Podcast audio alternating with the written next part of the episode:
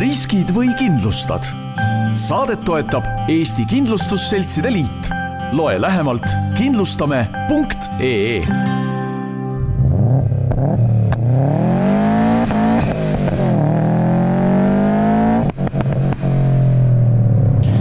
tervitused istmesoojenduse stuudiost, oleme eetris erisaatega, kus teemaks on liikluskindlustus ja igasugused muud huvitavad kindlustusega seotud küsimused, mis tekkida võivad. Äh, neid küsimusi aitavad äh, küsida lisaks mulle kaassaatejuht, autoajakirjanik Indrek Jakobson. tere! ja mina, autoajakirjanik Veli Rajasaar, nagu ikka, ja meil on sel korral äh, külas Taavi Kiibus, digitaalsete teenuste arendusjuht Eesti Liikluskindlustuse Fondis. tervist! ja Elar Tamme, kes on aktsiaseltsi Inges Kindlustus juhatuse liige. tere! ja noh, põhilised asjad, ma arvan, millest, millest kohe alustada võiks, ongi siis see, et äh, kogu aeg on, kõik teavad, liikluskindlustus, kaskokindlustus, kaks eri asja, mis see liikluskindlustus siis õigupoolest on? liikluskindlustus on vastutuskindlustus. mootorsõiduki valdaja vastutuskindlustus. kui sõiduki juht põhjustab kellelegi kahju, sõidab millelegi otsa, siis kindlustus tema eest hüvitab kannatanule need kahjud. ja kaskokindlustus, mis siis, äh, mis siis see veel juurde annab? Kui äh, liikluskindlustus hüvitas äh, teisele sõidukijuhile kahjud, siis kaskokindlustusega on kindlustatud sõiduk ise, ehk see vara, ja hüvitatakse siis sõiduki omanikule tekkinud kahjud, kui ta peaks ise mingi õnnetuse põhjustama või äh, juhtub mingi õnnetus, kus põhjustajat ei olegi võimalik tuvastada. siit jooksis juba läbi kaks erinevat mõistet, sõiduki omanik ja kahju kannataja, räägime need lahti, et äh, meil hiljem nagu saate jooksul segadust ei tekiks, kes on süüdlane, kahjukannataja või kuidas nad üldse liiklusõnnetuses noh, ennast nimetama peaksid? no liikluskindlustuse puhul saab nimetada, et üks on põhjustaja ja teine on kannatanu. kuigi tõsi, tihtipeale võib olla ka tegemist sellise segasüü olukorraga, kus äh, mõlemal sõidukijuhil võib olla äh, mingi roll kahju tekkimisel, mõlemad võivad vastutada. aga kannatanu on reeglit, reeglina siis kahjustatud varaomanik. ehk see tähendab, et ta võib ise olla täiesti elus ja terve, lihtsalt natuke on tema auto viga saanud, aga ja. ta on ikka kannatanu? just. Võib olla ka näiteks aed, aiaomanik võib olla kannatanu, kui mootorsõiduk sõidab aiale otsa, või noh, tõesti mingi muu ese, kas või liiklusmärgile otsa sõites on liiklusmärgi omanik, on see kannatanu, kelleks on siis reeglina kohalik omavalitsus. Aga nüüd veel lisaküsimus, äh, kui äh, ma teen endale liikluskindlustuse, mitmes kohas on võimalik osta igasuguseid lisakaitseid, noh, mingisugused, äh, et ei ole päris kasko, aga on ikkagi näiteks metsloomaga kokkupõrkel on kaitse või mingisugused muud juhtumid, mis nende lisakaitsete mõte on ja kas neid tasub nagu eelistada kaskole või kuidas see autoomanik ise selle enda jaoks nagu lahti mõtestama peaks, kumba valida? Need lisakaitsed, mida pakutakse liikluskindlustusele lisaks, on sellised väikesed äh, kaskokindlustused, mis katavad äh, ainult äh, väga väheseid riske. nagu siin juba mainitud oli, et metsloomaga kokkupõrge mm, -hmm. see on suur tõenäosus, kes maapiirkondades sõidab, et selline asi võib juhtuda, aga see tähendab seda, et see kaitse katab ainult seda metsloomaga kokkupõrget, ei midagi enamat.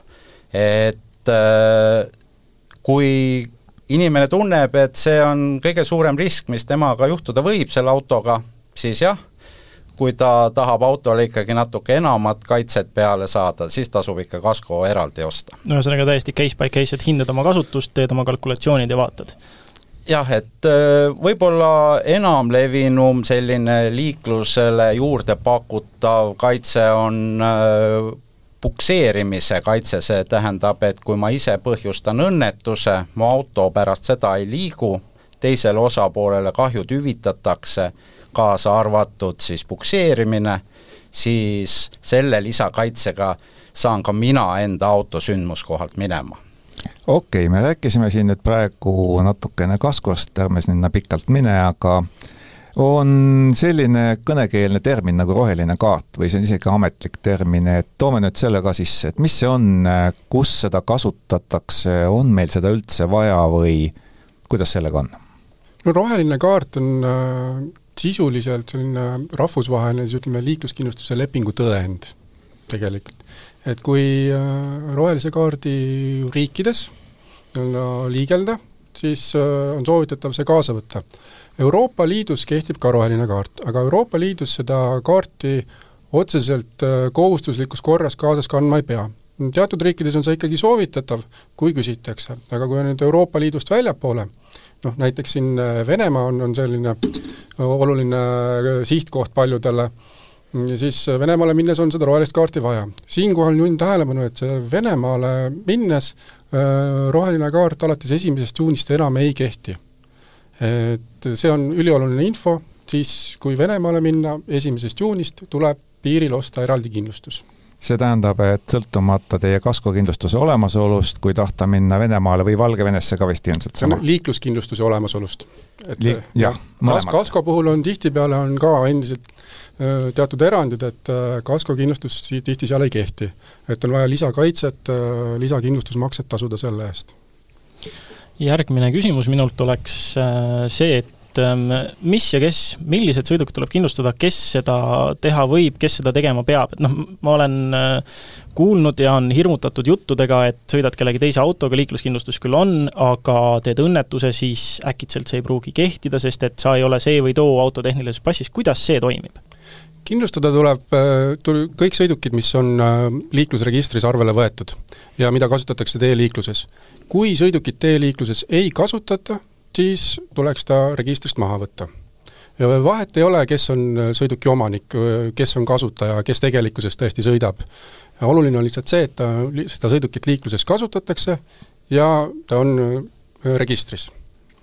et kõik need sõidukid tuleb kindlustada, kui kindlustusleping on sõlmitud, kui äh, liiklusõnnetuse korral öö, äh, olla, ollakse kaine, sündmuskohale jäädakse kohale, vormistatakse liiklusõnnetus nõuete kohaselt, siis ei ole mitte midagi põhjuste all karta. kas see tähendab seda, et kui võtame nüüd äh, kokku, kindlustada tuleb kõik sõidukid, mis on registris, mis ei ole, hästi lihtsalt, kõik, mis ei ole maha võetud, peavad olema kindlustatud? ja liiguvad? kui ei liigu, ei pea? aga kes seda nüüd tegema peab, et äh, meil on tihtipeale olukordi, kus sõiduk vahetab omanikku, kes siis sellisel juhul üldse vastutab selle eest äh, näiteks müügiprotsessis või kuidas see toimub? kindlustuskohustus on sõiduki registrijärgsel omanikul või vastutaval kasutajal. et kui sa oled registris omanik või vastutav kasutaja, pead kindlustama. isegi siis, kui sa oled lihtkirjaliku lepinguga sõiduki kellelegi maha müünud. sina vastutad, kui oled registris omanik ehk et kuni uus omanik ei ole autot oma nimele võtnud, siis senikaua pead sina seda liikluskindlustusmakset tasuma? just. Siit äh, järgmine küsimus läheb juba sundkindlustuse juurde, sest et äh, noh, näiteks rääkides siin äh, Eesti hobiauto inimestest, siis tihti on see, et suvehooajal autoga sõidetakse, muul ajal liikluskindlustuse leping peatatakse, kui ta seisab mingisuguseks lühikeseks ajaks. millal rakendub see sundkindlustuse nõue näiteks mõnele sellisele autole või, või üleüldse, mis on sundkindlustus ja millal see rakendub?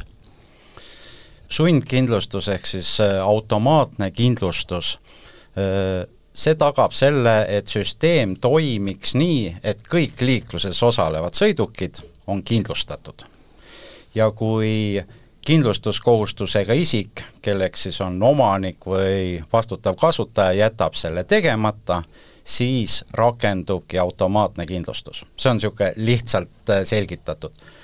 kui nüüd rääkida hobiautodest, mida kord äh, aasta jooksul ikka kasutatakse ja sellega ikkagi kord aasta jooksul sõidetakse, siis sel ajal, kui tema liikluses osaleb, peab tal olema kindlustus ja kui tema liikluses ei osale, siis on erand, et kaheteist kuu jooksul talle veel seda automaatset kindlustust ei rakendu. nii et kui hobiautot kord aastas kasutada, siis automaatse kindlustusega pistmist ei tule no me oleme siin viimasel ajal täheldanud, et igal aastal suvi ükskord ikka kaheteist kuu jooksul tuleb, ta ei pruugi kaua kesta, aga piisavalt kaua, et saaks auto garaažist välja ajada. aga siit jäi nüüd see kõlama, et kui ma ei viitsi või ei taha kindlustust teha, jutt liikluskindlustusest siis, et siis liikluskindlustusfond teeb seda sundkorras minu eest ise, et kas see tähendab, et ma ei peagi tegelikult kindlustama või kuidas selle sundkindlustuse ja vabatahtlikult sõlmitava liikluskindlustusega selles võtmes on? et äh, see automaatne liikluskindlustus ehk sundkindlustus siis äh, ei ole kaugeltki kõige odavam, kuna ta ei konkureeri teiste kindlustusandjatega, tema halduskulud on kõrged, lisaks veel kahju põhjustamise korral on seal omavastutus, seega ei ole tegemist just kõige parema kindlustusega ja loomulikult seda tasub vältida. Selleks on kõik tehtud, et seda oleks võimalik vältida, alates kindlustamisest, lõpetades, et kui autot ei kasuta, siis võtame registrist maha, või siis kõige lõpuks see, et äh, enne, kui ikkagi see sundkindlustus rakendub, saadetakse kindlustuskohustusega isikule ikka meeldetuletus aastas seitsekümmend tuhat tükki, nii et äh, kui need äh, teated kohale jõuavad, siis ikkagi enamus inimesi saab aru, et kasulikum on äh, ise teha kindlustus ja loomulikult veel tahaks ära mainida, et kõik inimesed peaksid äh, olema veendunud, kes ikka sõidukit kasutavad, et nende eesti.ee lõpuga aadress on äh, korrektselt kuhugi äh, e-postile ära suunatud, et kõik sellised teated ilusti kohale jõuaks ja siis ei tohiks mingeid muresid olla. no kui siin juba maksumuse peale jutt läks, siis olen ise olnud situatsioonis, kus ma sügan omal pead ja mõtlen, et üks äh, pakkuja pakub üht hinda, teine pakub teist hinda, kas väga märgatavalt kallimat või hoopis väga märgatavalt odavamat, ja see on pannud mind mõtlema, et kuidas siis tegelikult see liikluskindlustusmakse arvutamine üldse toimub, mis faktoreid seal arvesse võetakse ja kas see, kui, kas ja kui palju see erineb kindlustuspakkujalt kindlustuspakkujale või on see kuidagi standardiseeritud? Eks see ikkagi erineb seltsiti, seltsid konkureerivad teineteisega ja sealt tulevadki ka need erinevad hinnad, seltsidel on erinev portfell ja nad analüüsivad oma kliendi, kliendibaasi põhjal, et millised kliendid on kasumlikumad, millised on kahjumlikumad ja selle tõttu see mõjutabki siis seda hinda. ja peamised näitajad, mis siis, mida arvesse võetakse sõiduki hinna kujundamisel, on näiteks ähm, sõiduki kilovatid, vanus, asukoht, kus seda peamiselt kasutatakse, mis võetakse siis sõiduki omaniku elukoha järgi, siis äh, kui palju selliste autodega on kahjusid põhjustatud, mm, sõiduki omaniku vanus, äh, eeldatakse, et nagu mis tal see juhtimiskogemus siis võib olla, kindlustusaastad, kui palju ta on kindlustanud ühe seltsi juures või teise seltsi juures, et kõik sellised detailid äh, mängivad rolli. mõnikord võib inimesele tunduda, et ülekohtuselt on tema sõiduki hind liiga kõrge, aga võib-olla lihtsalt tema sõiduk äh, on sattunud sellisesse segmenti, millega teised liiklejad on palju kahjusid põhjustanud. ja, ja seetõttu on, on ka tema enda hind keskmisest kõrgem aga kas kindlustusseltsid seda infot äh, jagavad ka, et noh, kui ma mõtlen, et mis auto ma nüüd ostan, Toyota Škoda või ostan hoopis äh, Nissani enam-vähem sama palju kilovatte ja sama kallis, aga äkki on ühe autoga kindlustusmakse hoopis väiksem kui teisel, et kas sellist infot jagatakse, ei jagata? Äh, jagatakse liikluskahju registris olevat infot. et kõik, mis läheb liikluskahjude registrisse, seda infot jagatakse. küll aga kuidas keegi seda infot kasutab, et see on juba erinev no aga ma võtan siin Indreku küsimuse sabast kinni kohe ja küsin, et ähm, olen parasjagu turul vaatamas endale uut sõidukit, nii uut, et äh, see ei ole veel Eestis kusagil registris äh,, registreerimismärki ei ole küljes, kuidas ma siis ikkagi seda liikluskindlustusmakse hinnavõrdlust teostada saan? kõige parem on seda teha Liikluskindlustuse fondi koduleheküljel, kus on äh, olemas selline asi nagu liikluskindlustuse kalkulaator kui sõidukit ei ole liiklusregistris, siis äh, siin on äh, vajalikud lahtrid olemas, mida saab ära täita, et äh, isiku või registrikood äh,, Äh, mis rolli sõiduki omanik äh, saab olema, tähendab see kindlustusvõtja, kas ta on omanik, vastutav kasutaja, kes ta on, kus ta elab, mis piirkonnas, sõiduki mark, mudel, kategooria, esmaregistreerimise aasta, kui kõik need lahtrid ära täita, siis saab juba erinevatest seltsidest eeldusliku kindlustusmakse hinna kätte. Ja isegi siis, kui see on nii uus auto, et sellega mingisugust statistikat veel ei olegi. just, see on selline prognoos et kui aga on juba andmed nagu täpsemad, on Eestis arvele võetud, siis öö, saab täpse hinna, aga ennem saab sellise prognoosinna küsin veel võib-olla natuke sellise titilleerivama küsimuse, et nii uue, uue auto puhul, millel noh, ma olen kuulnud selliseid natuke võib-olla isegi anekdootlikke juhtumeid, kus ostetakse mingi auto, millel ei ole veel mingisugust liikluskindlustusega seotud statistikat tekkinud, ükskõik, et ta võib olla võimas või sportauto või mis iganes, alguses esimesed paar aastat, kuni see statistika tekib, on justkui väga absurdselt madal äh, kindlustushind, et äh, kas see on nii või mis, või, või mis, äh, on see juba muutunud Eestis? no seltsid hinnastavad sõidukeid erinevaid ja, ja on neid andmeid. Aga mis võib selle taga olla, äkki sõiduki omanikul on hea statistika, äkki ta sõiduki omanik on sellises piirkonnas, kus toimub vähe kahjusid. Ja need on mõjutanud siis sellist sõiduki kindlustusmakse kujunemist. Ja veel äh, lisaküsimus, et äh, kas sellel on ka mingi miinus, kui näiteks ütleme, et mul on Eestis mitu elukohta või mingi vanemate elukoht on kuskil, ma ei tea, Saaremaal või Hiiumaal või noh, mis iganes, Kihnus, kui ma nagu võtan, panen enda piirkonnaks näiteks selle ja teen kindlustuse sellise piirkonnaga seotult, kas sellel on mulle ka nagu mingisugune miinus, kui ma tegelikult selle autoga kuskil mujal sõidan? Kui mujal sõidad, siis mingit mõju sellele tegelikult ei avalda. Seltsid, ma, nagu ma ütlesin, hinnastavad erinevalt, mõni võtab piirkonna aluseks, mõni ei võta piirkonda üldse aluseks.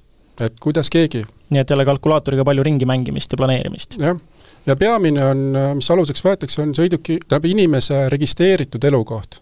et inimene noh, ei saa ise sõiduki asukohta nii lihtsalt nagu muuta aga läheme siit edasi üldse päris teemade juurde ehk liiklusõnnetuste juurde. mida nüüd äh, ma peaksin tegema, kui, äh, kui ma olen õnnetuses, hakkame pihta millestki lihtsamast äh, ja võib-olla sellisest elulisemast, et ma näiteks, mul on liikluskindlustusega sõiduk, kaskot ei ole, pargin kusagil supermarketis, lähen käin poes ära, tulen tagasi, vaatan, kas keegi on autole sisse sõitnud, mingi kõksu teinud, uksele mõlgi löönud, noh, mis iganes, ja ära läinud mida mul näiteks sellises situatsioonis oleks vaja teha? enne kui te vastama hakkate, küsin, et ma tean, et kaskokindlustuses on selline nii-öelda parklaõnnetused väga-väga levinud ja väga suur kahjude hulk, aga kuidas liikluskindlustusega üldse on? see maht sellistel parklavariidel? statistika järgi see jääb kusagile neljakümne protsendi kanti. et see on ikkagi väga suur osa, ongi sellised parklakõksud. liikluskindlustuses? jah. nii, aga mis siis saab?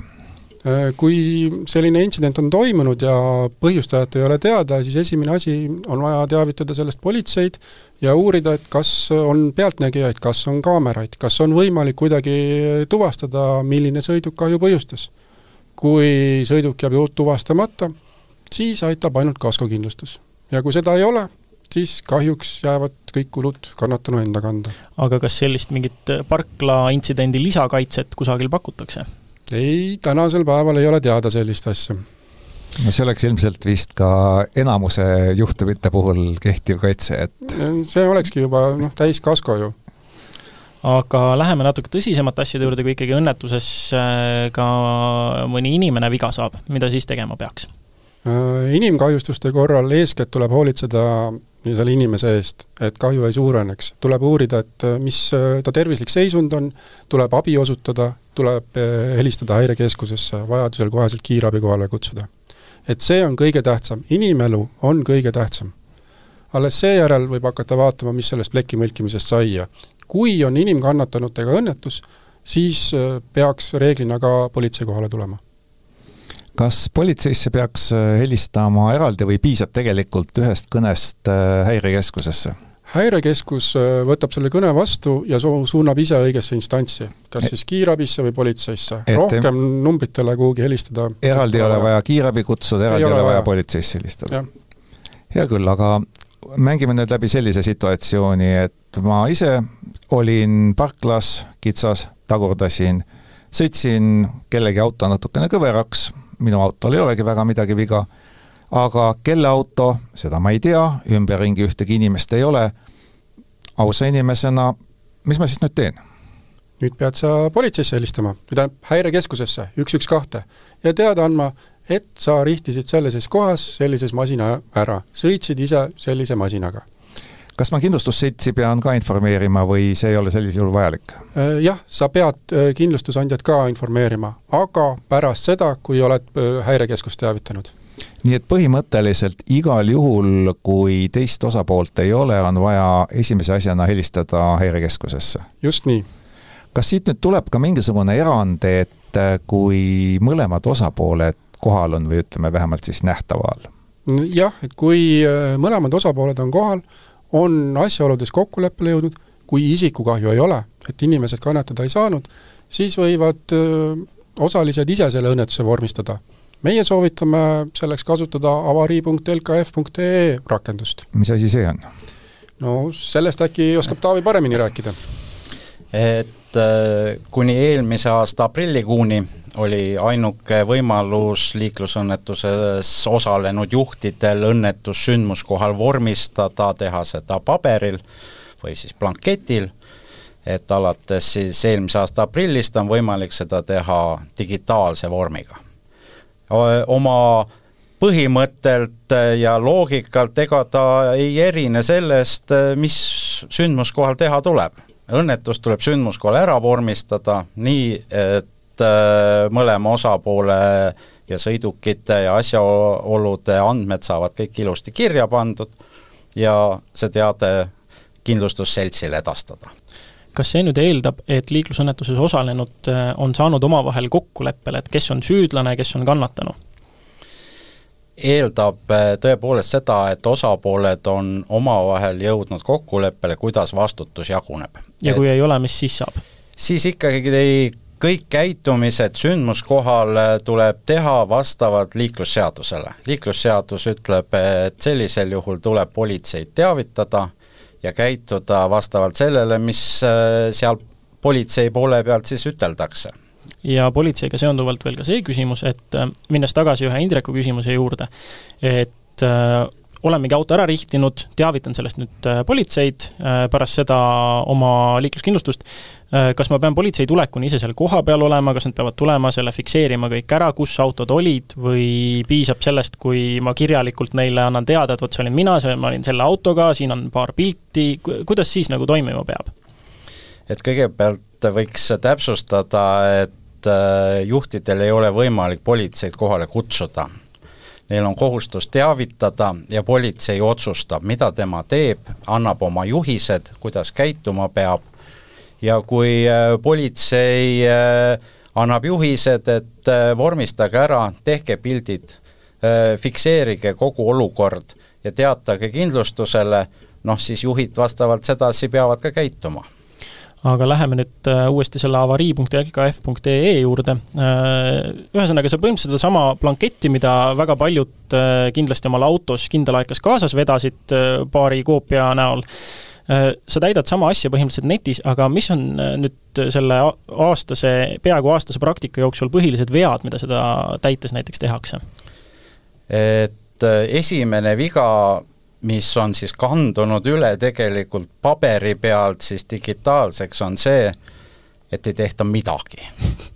see tähendab seda, et sündmuskohal ei vormistata midagi ei paberil, ei digitaalselt ja, ja siis hiljem avastatakse, et noh, midagi peab vormistama, hakatakse seda digitaalselt vormistama, mõlemat juhti koha, noh, koha peal ei ole, üksteise andmeid enam küsida ei saa, rakendus nõuab, et peavad olema juhtide andmed, sõidukite andmed ja kui, kui neid ei ole, siis seda ei ole võimalik mõistlikult lõpuni täita. ega paberil oli täpselt sama mure, ega seda ei saanud üksinda täita, kui ei teadnud teise andmeid. Taavi no. kirjeldab olukorda, kus äh, inimesed siis on liiklusõnnetuse järgselt äh, suuliselt mingisugusele kokkuleppele võib-olla jõudnud ja siis sõbralikult lahku läinud ja siis öelnud, küll me pärast vormistame. aga no, paber... pärast on jälle noh, ei jõuta kokkuleppele no paberi peal on lihtne, see on igati arusaadav, ma arvan, kõigile liiklejatele, aga tuleme ikka see avarii.lkf.ee juurde. paberi peal me ju pärast allkirjastame, et me oleme kõik nõus, aga kas mul peab nüüd ID-kaart kaasas olema kogu aeg, kui ma autoga sõidan või, või mobiil-ID või kuidas see dokumendi allkirjastamine käib? Allkirjastamist kui sellist sellel dokumendil ei ole. ei ole vaja midagi enda telefoni alla laadida, ei ole vaja ennast autentida, et äh, piisab sellest, kui telefonis ära kinnitatakse, selle peale tegelikult siis äh, saab ka teine osaline sõnumi ja peab omakorda selle ära kinnitama ja, ja sellest kinnitusest äh, tänasel päeval täiesti piisab. Ja võib ehk võrdluse tuua, et kui paberi peale pandi allkiri, siis ega selle ehtsust keegi kontrollida väga ei suutnud, et äh, ei tehtud mingeid käekirjaekspertiise ega sellist võrdlust ma nüüd täpsustaks Taavit, on ju, et siis kui ma õigesti aru saan, siis see on selle telefoninumbriga seotud. ehk äh, telefoninumber on selline digitaalseks äh, jäljeks. jah, aga mingit tugevat autentimist nagu selles võtmes ei toimi? ei, ei, ei ole ja on see plaanis jõustada tulevikus või siiamaani on kõik nagu sobinud ja ei ole mingisuguseid suuri vaidlusi tekkinud? Äh, siin võib ütelda, et tegelikkus on ju selles, et enamus inimesi on ausad, tehakse kõik korrektselt ja tahaks veel äh, üle rõhutada, et rakenduses väga olulisel kohal on pildid. et kui me lähtume sellest, et äh, vormistada tuleb sündmus kohal, soovitus on antud, et ärge autosid enne liigutage. kui tehakse kõik nõutud pildid, siis see on kordades äh, informatiivsem kui see, et, et paberi peale midagi kirjutati aga ma läheks siit edasi nüüd äh, selliste toredate eluliste situatsioonide peale, sa ütlesid väga ilusti, et enamus inimesi on ausad. aga kui ikkagi tekib äh, vaidlus või mingi probleem, no kas või minul omal tuttavatel oli situatsioon, kus äh, jalgrattur sõitis autole külje pealt sisse, no selline ütleme, tiinekas poiss, andis ka kõik kohapeal oma nõusolekut, kõik asjad, ja, ja mina olen süüdi ja kõik, aga huvitaval kombel, noh, jällegi eeldati ausust, poiss läks koju sai isa käest peapesu ja korraldused, kõike eitada. ja pärast oli korralik vaidlus, autoomanikud ei, äh, said seal, kui ma õigesti mäletan, heal juhul pool sellest kahjust tagasi, et noh, et sõbralik kokkulepe isa poolt, et tuleme ikka vastu ja nii ja et äh, mis, mis siin vaidluste puhul siis saab, et ma saan aru, et esimene nõuanne on nagu see, et kõik on ju kohapeal ära vormistada, nii et kõik inimesed on nõus olnud, nad on kinnitanud kui see ikkagi nii ei lähe, kui inimesed otsustavad kodus, et nad enam ei ole nii ausad või et nad ei tunne end enam nii süüdi, mis saab siis sellise vaidluse korral? Ma siinkohal tahakski rõhutada, et oluline ei ole mitte see, et, et keegi kuhugi kirjutab selle lühikese fraasi, et olen vastutav. rakenduses on samamoodi, mainisin, pildid. kaks minutit on võimalik salvestada seletust, mis juhtus ja vot see on see, et kui sündmuskohal kirjeldatakse ära just see sündmus, mis juhtus, mitte ei püüta hinnata, et kes nüüd vastutab, siis selle kirjelduse põhjal on ka hiljem võimalik ikkagi seda vastutajat üheselt määrata, ei teki seda vaidlust, kui mõlemad on kokkuleppele jõudnud selles sündmuses endas, mis toimus. Võtame nüüd siis äh, jalgratturitest rääkides, läheme ühe eriliigi juurde ehk elektritõuksid sama näide, viieteistaastane, ütleme, juhiluba tal ei ole, äh, liikluskindlustust tema isiklikul elektritõuksil ei ole, ta võtab kätte, noh, teeb lihtsalt liiklusõnnetuse, tekitab äh, materiaalse kahju, kes sellisel juhul siis äh, seda liikluskindlustuse hüvitist maksab või kuidas see protsess sel juhul üldse välja näeb? no sellisel juhul ei ole tegemist tänasel päeval üldse liikluskindlustusjuhtumiga kui on see elektritõukerattaga põhjustatud kahju, noh, see ei ole liikluskindlustusjuhtum, see elektriline tõukeratas ei kuulu kindlustamisele, ta ei, ei kuulu registreerimisele. küll aga kust võiks võib-olla kahju põhjustaja siis abi saada, on omavastutuskindlustus, peaks uurima, et äkki on kodukindlustusega kaasas näiteks vastutuskindlustus. võib-olla kodukindlustus hüvitab no aga läheme ikkagi tagasi selle juurde, et mis saab siis, kui ikkagi on vaidlus, osapooled ei ole fikseerinud piisavalt hästi, ei ole sündmust piisavalt hästi kirjeldanud, otsustavad, et äh, nad ei ole üksteise vaatenurgaga nõus, mis, mis siis saab? kindlustusandja peab äh, tegema kõigepealt otsuse nende tõendite põhjal, mis on kogutud. et vahetult sündmuskohal kogu, kogutud tõendid on kõige tugevamad, see ongi nagu Taavi ütles, et fotod. et nende, selle pealt saab väga palju infot võib-olla lugeda aga kui nüüd äh, keegi ei ole rahul kindlustusandja otsusega, siis ta võib pöörduda liikluskindlustuse lepitusorganisse. lepitusorgani menetlus on pooltele tasuta, see on küllaltki kiire, et keskmiselt äh, ütleme, laias laastus kahe kuuga jõutakse mingisuguse lahendini. seitsekümmend protsenti nendest lepitustest lõpevad kokkuleppega. et äh, küllaltki hästi toimib lepitus. ja kui ikkagi lepitus ka kokkuleppele ei saa, siis on edasi kohus? jaa siis on edasi kohus. ja kas lepitus äh, pädeb näiteks ka siis, kui äh, ma ei ole rahul näiteks äh, selle väärtusega, mis äh, kindlustusandja mu autole õnnetuse järgselt määras? jaa, see on väga tüüpiline vaidlusküsimus ja tüüpiline lahendus selle, selliste vaidluste puhul on, on selline kokkulepe, et lepitaja määrab näiteks mõne eksperdi, kellel on asjas ette määratud jõud.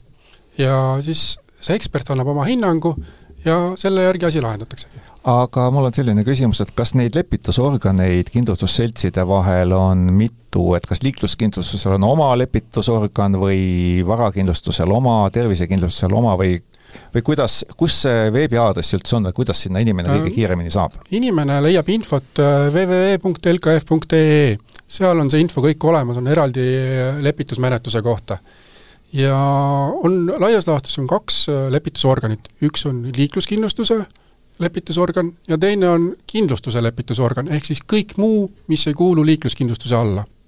ja kõik seltsid on antud, andnud ette nõusoleku öö, äh, lepitusmenetluseks, ehk siis alati saab kindlustusandja otsust lepitusorganis vaidlustada. Aga ma arvan, et kogu selle kindlustusteema lõpetuseks võiks äh, võib-olla rääkida mõnest Äh, markantsemast juhtumist, millega kuulajad saaksid äkki ka samastuda või mõelda, et nemad küll ei tahaks sellises olukorras olla. kas teil tuleb ette mõnda juhtumit, kus äh, ütleme, kus liikluskindlustuse omamine oli äh, noh, ütleme, kui, kui seda ei oleks olnud, siis oleks võinud asi lõppeda näiteks täieliku majandusliku hävinguga? jaa, neid juhtumeid tuleb ikka ette, et no meil üks suuremaid kahjusid jäi sinna kolme miljoni euro kanti, et kaasus oli ise selline, et äh, sõiduki juht äh, osales Soomes liiklusõnnetuses, kus kannatada sai jalgrattur. esimesed kümme aastat olid need isikukahju summad väikesed, aga kümne aasta möödudes me saime Soomest infot, et see kannatanu on püsivalt töövõimetu, elu sees enam tööle ei lähe ja meil soovitatigi eraldis, ehk siis kogu kahjuna nii-öelda arvestada, eraldis üle, üles võtta suurusjärgus kolm miljonit eurot noh, inimene ei maksaks elu, elu lõpuni seda summat ära ju. et oleks kohe pankrotis no aga siia juurde ma küsiks veel seda, et siin on olnud mitmeid kuulsaid juhtumeid viimase paari aasta jooksul, kus äh, väga väärtusliku koormaga sõidukiga juhtub näiteks midagi. Äh, ja lisaks on mõnel juhul olnud mängus ka alkohol. selle põhjal ma küsiks juurde, et äh, mis on liikluskindlustuse siis seda hüvitise väljamaksmist mõjutavad tegurid, et on ju, no kui juht on näiteks alkoholijoobes või kui sõidukil puudub tehniline ülevaatus või mis on sellised äh, olulised faktorid, mis määravad, kas üldse see hüvitis mingil hetkel tuleb või mitte? no hüvitise väljamaksmist äh, mõjutab eelkõige põhjuslik seos äh, ja vastutus, et kes see vastutab. meie maksame ikkagi kannatanule põhjustaja eest selle kogu kahju kinni nüüd on, kui on alkoholijoove oli mängus põhjustaja osas, siis me nõuame kogu kahju põhjustajalt tagasi. kui kannatanu oli alkoholijoobes, siis äh, see hüvitist ei mõjuta. et ainult siis, kui on nagu põhjuslik seos, kahju ja siis selle nii-öelda joobe vahel, siis see mõjutab. ja kindlustatud sõiduki ülevaatus? kindlustatud sõiduki ülevaatus ei, ei mõjuta kuidagi hüvitise suurust kiiruse ületamine? kiiruse ületamine võib mõjutada tagasinõuet äh, kahju põhjustanud sõiduki juhi vastu, et kui see kiirus oli suurem kui nelikümmend kilomeetrit äh, lubatust kõrgem. aga et kui kannatanu oli alkohoolses joobes, sa ütlesid küll, et see ei mõjuta, aga kui ta oma äh, tegevusega tekitas olukorra nagu potentsiaalse liiklusohu, siis? Siis ongi juba nagu vastutuse küsimus, küsimus ei ole enam ainult selles nagu joobes, vaid et kuidas see põhjuslik seos, kuidas see vastutuse osapoolte vahel jaguneb. No asjalikke nõuandeid, mida kõrva taha panna, on olnud mitmeid, eriti see avarii.lkf.ee keskkond äh, kahjudest teadaandmiseks. Aga kuivõrd aasta lõpus on muutumas ka liikluskindlustuse seadus, siis äh, ideaalis me räägime stuudiokülalistega aasta jooksul sellest Äh, korra veel, tasub meid kuulata. aga seniks aitäh, et äh, tulite külla, Taavi Kiibus, digitaalsete teenuste arendusjuht Eesti Liikluskindlustuse Fondis. aitäh! ja Elar Tamme, Inges Kindlustuse juhatuse liige. aitäh! aitäh neile, kes kuulasid, loodetavasti kuulate meid veel. Kuulmiseni! riskid või kindlustad? saadet toetab Eesti Kindlustusseltside Liit. loe lähemalt kindlustame.ee